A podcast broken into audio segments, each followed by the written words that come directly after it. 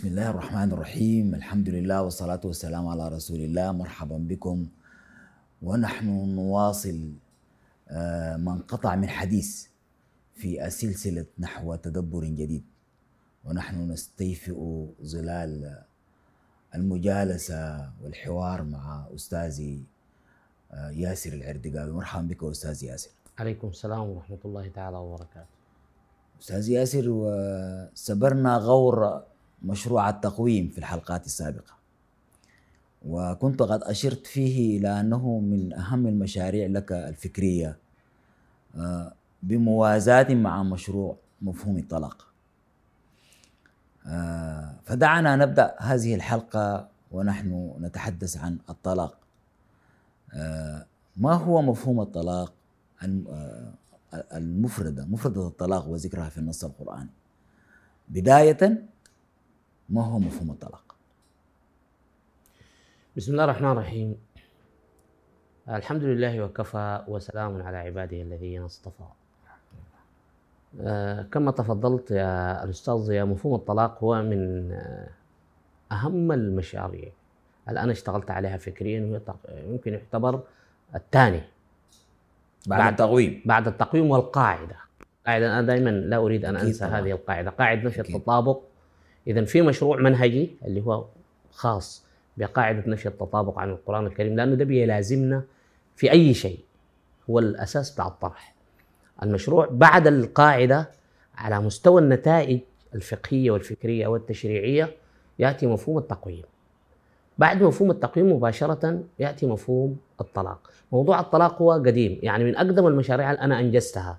تقريبا من العام 2012 13 هو موضوع الطلاق كان جاهز مكتمل. وهو من المواضيع التي طرقت بها جميع الأبواب في السودان. يعني حاورت كثير من الدعاة حتى المشهورين يعني على مستوى السودان. مثلا ذهبت للدكتور عبد الحي يوسف وهو كان يعتذر ودلاني على الشيخ عبد المحمود يوسف وقعدت معاه. وبسببه أنه هذا البحث انتقل لمجمع الفقه الإسلامي من 2015 تقريبا ولا 14 والى تاريخ هذه اللحظة. ما جاب منه رد. ولا حتى جامعة القرآن الكريم برضو بعثت لهم نسخة من الطلاق برضو ما في رد. لا لم يردوا عليك. ما حيردوا أصلا. ما ما ما في حل. لأنه هو أنا بعتبره بحث متماسك جدا. يعني في النهاية العلم عند الله سبحانه وتعالى لكن بحث متماسك. طيب أنا ليه اهتميت بقضية الطلاق يعني مفهوم الطلاق؟ أول حاجة الواقع. وأنا في يعني بطبيعتي بيهتم بالقضايا اللي بيتلامس واقعنا عشان كده دائما أتجنب الخوض مثلا في الأرض مسطحة والأرض كروية عذاب القبر. يعني ممكن تلقى الترند شغال عذاب القبر ما عارف فلان قال عذاب القبر. أنا ما بتكلم في الحاجات زي دي. لأنه القضايا التي تلامس المجتمع. تماما. ماهيه جهنم؟ هل هي في الشمس؟ هل هي آه مع الاحترام للناس اللي بيشتغلوا في المجال ده. لكن لا أنا عندي واقع مشاكل عايشها في اللحظة في المجتمع. لازم المجتمعيه لازم تحل أيوه لازم تحل. لكن لما نجي حد تطلع لي بحث والآن مثلا سجل لي خمس حلقات عن عذاب القبر هو موجود ولا ما موجود؟ ما هو أنت لو دخلت القبر ولقيته ما في ما حتيجي تقول يا جماعة أبشروا. ما ما في حاجة. ما في عذاب. ولو هناك طلعوا روحك ما حتقدر تقول لنا اعملوا حسابكم. صحيح. أنت فانت انتقلت من المرحلة دي مرحلة البرزخ ديك حياة مختلفة تماما صحيح. أمر مختلف تماما وأنت أمام المصير بتاعك. لكن لما نتحدث عن التقويم دي حاجة الآن نحن نعاني من ويلاتها وقضية الطلاق. اولا المدخل أنا لما قبل ما اجيك لمفهوم الطلاق ما, الذي دعاك؟ أنا دعاني شنو ليه؟ عشان عشان أنا أبحث عن الطلاق. الكلام ده يمكن أشرت له تقريبا في آه، قبل حلقة والله حلقتين أنه كان دعيت في مرة من المرات في منظمة آه، تعمل في في في العلاقات الأسرية يعني منظمة اجتماعية تعمل في الخطبه بتعالج المشاكل الاجتماعية اللي بتطرى بين الأزواج والطريقة دي فكان الملخص يعني النتائج الخلص ليها في آخر الورشة في آخر الورشة آه. أنه يعني خلاص أنتم لخصوا الموضوع ده أها الحل شنو؟ قالوا أنه عشان نحن نقلل مسألة الطلاق التي انتشرت وأصبحت من المعوقات وأصبحت كارثة اجتماعية النتائج كانت أنه يجب يتم رفع التثقيف الزواجي والإرشاد الزواجي حتى من قبل الاختيار الزوجة. طبعا دي أشياء مهمة لا شك. رفع الوعي. ورفع الوعي. رفع الوعي. يعني باختصار قال ورفع الوعي. آه. وأنا زي ما قلت لك دائما أنا عندي تصور إيماني خاص. لما أنت تربط لي حاجة برفع الوعي وأصل الموضوع ده هو من الله سبحانه وتعالى مخاطب به الكل فلا يمكن أنه علاجه في رفع الوعي. الزواج هو رابط بين أي ذكر وأنثى لكل الناس. لما أنت بت يعني بتحصر الموضوع في رفع الوعي معناه الإنسان الما مثقف وما واعي حيكون الطلاق بالنسبة له حتمي. يعني ما في زول بيقدر يحافظ على زوجته إلا يكون واعي. يكون الكلام- واعي وعلى درجة من التصريف أيوه والمعرفة ال- وكده الكلام ده يتناقض تماما مع العدل الإلهي ومع مرونة حدوده التشريعية. وشمولية الخطاب طبعا لأنه الله سبحانه وتعالى لما يشرع قضية زي دي لابد أنها تراعي أنماط وأزواج الناس. أوكي. اختلافات الناس وانماطهم المفترض تسعى. ولذلك كلمة حدود الله ترددت دائما مع شنو؟ مم. مع الطلاق. اذا الطلاق هو عبارة عن حدود. حدود مرنة جدا. تستوعب أنماط كثيرة. هذا مبدأ. المسألة الثانية ادعتني للقضية دي. مم. كنا يتذكر أنا وأخوي يعني القرية اللي إحنا ساكنين فيها في في المناصير هناك هي لا تتجاوز 50 بيت. لما نحن قعدنا نحسب لقينا سبعة من النسوان المطلقات طلاق بدون رجعة من جملة 50 بيت من جملة 50 بيت في سبعة مطلقات طلاق. طلاق طلاق نهائي.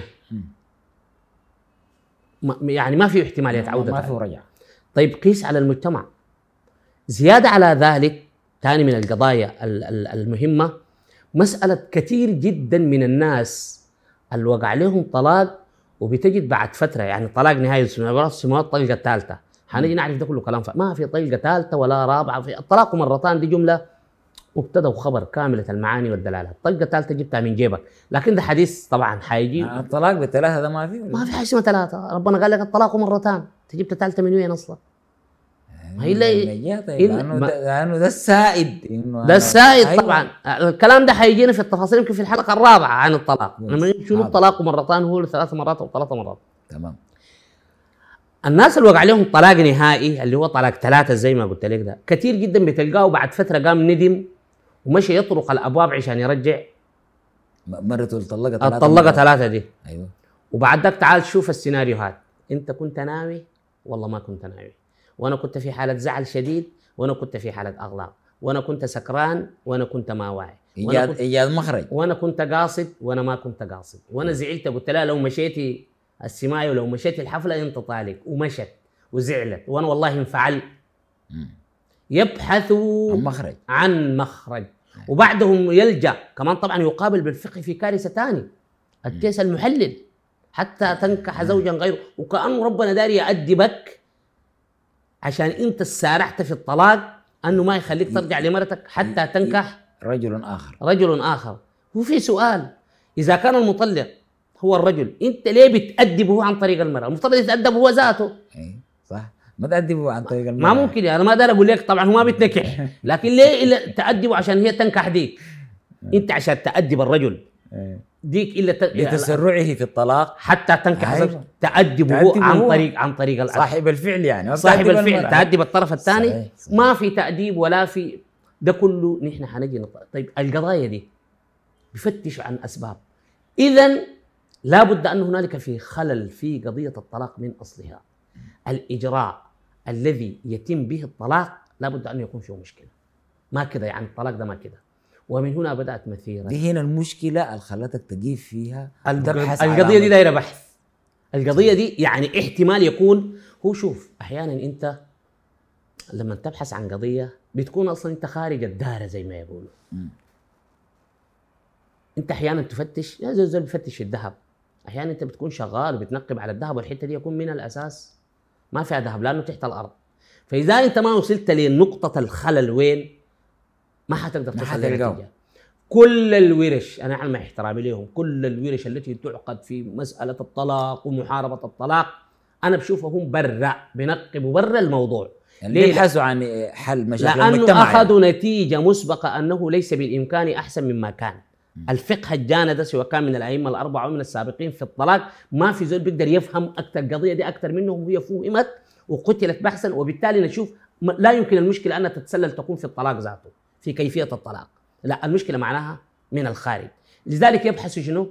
بالخارج. أنا قلت داري اجرب يا ود جرب. تفكر خارج الصندوق. خارج الصندوق. يمكن الطلاق ذاته يمكن الطلاق ده ما كده. ما خلاص. ما أنا عندي أدوات أبحث بها في القرآن الكريم. عندي مناهج وعندي أدوات ومعايير. بديت ال- ال- ال- القضية دي زي ما يقولوا دكة وقرصة زي ما يقولوا النبي أنا أبحث في قضية الطلاق دي. تمام. فكانت المفاجآت التي قلبت هذه القضية رأسا على عقب. وممكن أحيانا يكون المفتاح بسيط لدرجة أنت ما تتخيله. الطلاق مرتان.